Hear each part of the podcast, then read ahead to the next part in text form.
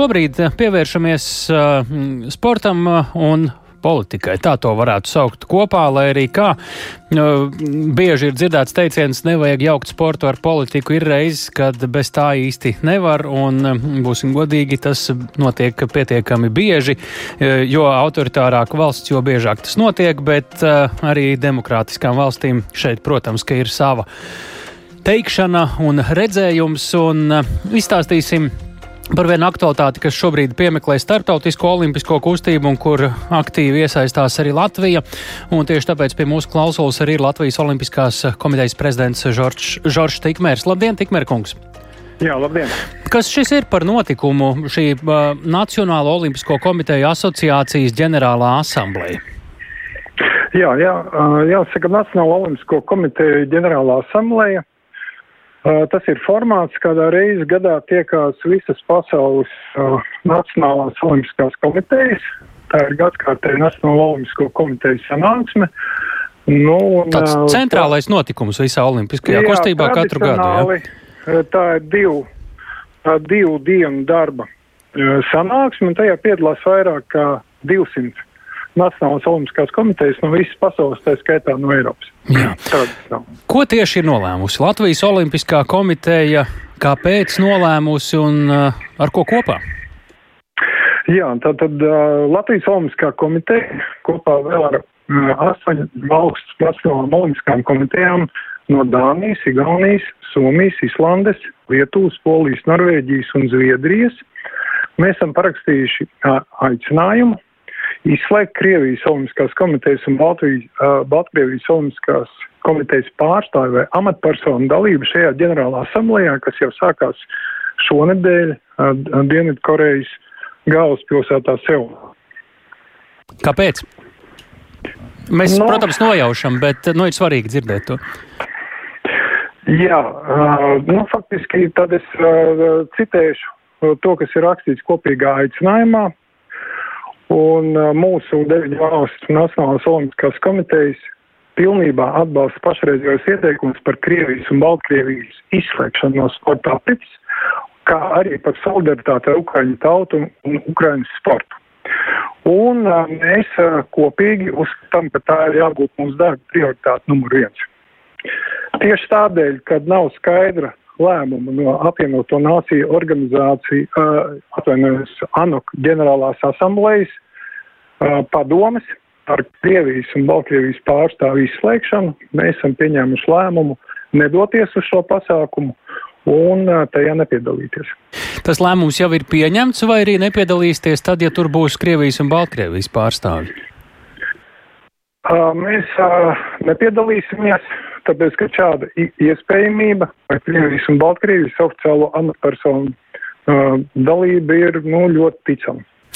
Ko tas maina? Vai tur vēl varētu būt lēmumi, kas izslēdz Krievijas un Baltkrievijas dalību, vai arī te uh, runa ir vairāk par pozīcijas paušanu, lai pēc tam jau būtu kādi lēmumi?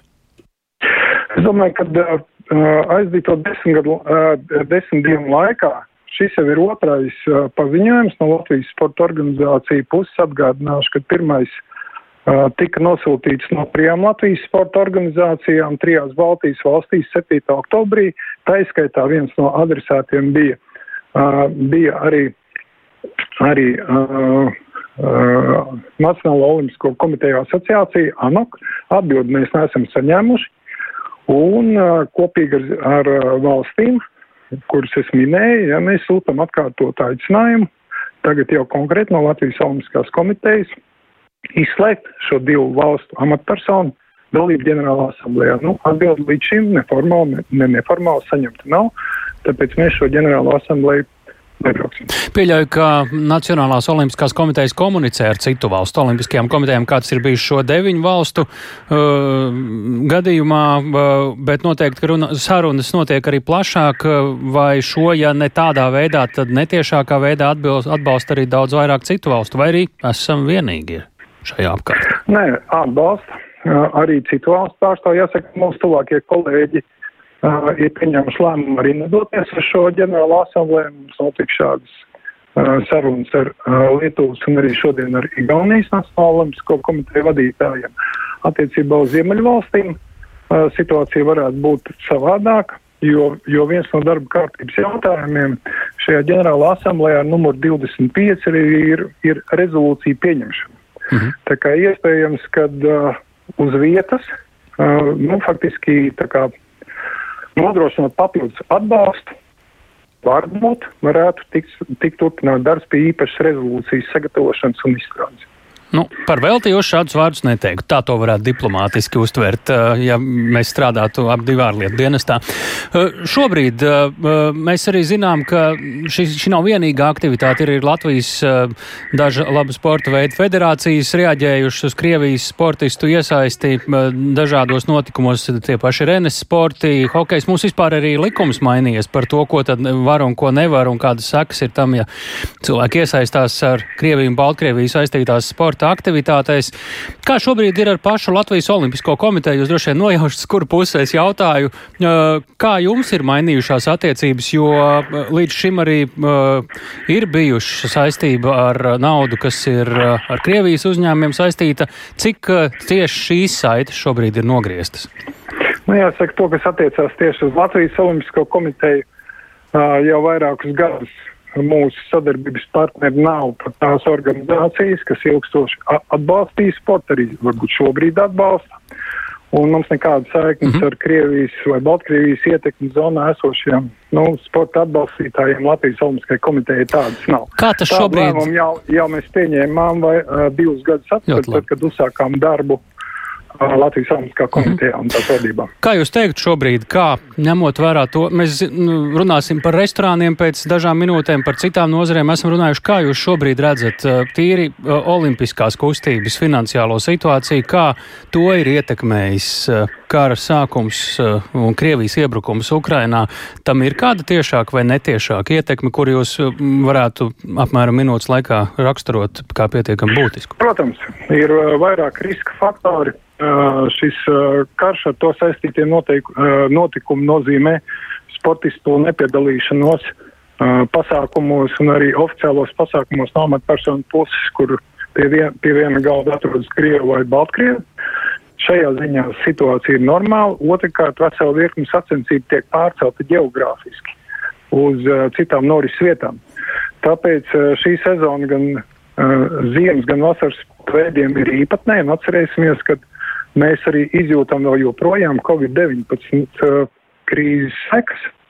Un arī tas ietekmē sportistus, sportistu sagatavošanos, un situācija nebūtu nav viegla. Bet jāsaka, ka mani kolēģi no Olimpisko sporta veidu uh, federāciju puses vadītāji un sportisti izprot situāciju un tiek veikts korekcijas, kā pieņemsim ziemas sporta veidos atsevišķi uh, atsevišķi komandas vai ekipāžas nebrauks uz finansiāli ļoti dārgiem posmiem. Mm -hmm. Jā, bet uh, mēģinās uh, startēt jā, un iegūt pieredzi šeit pat Eiropā. Jā. Es domāju, ka Ukraiņu sportistu vārdā jau īpaši paldies, ka Latvijas Olimpiskā komiteja rīkojas tā, kā tā šobrīd rīkojas. Atgādinām, ka mūsu sarunas iemesls ir tas, ka mūsu Olimpiskā komiteja nepiedalīsies ilgadējā Nacionālo Olimpisko komiteju asociācijas ģenerālajā asamblējā, faktiski centrālajā gada notikumā visā pasaules olimpiskajā kustībā. Sakām paldies Žoržam Tikmeram. Latvijas Olimpiskās komitejas prezidentam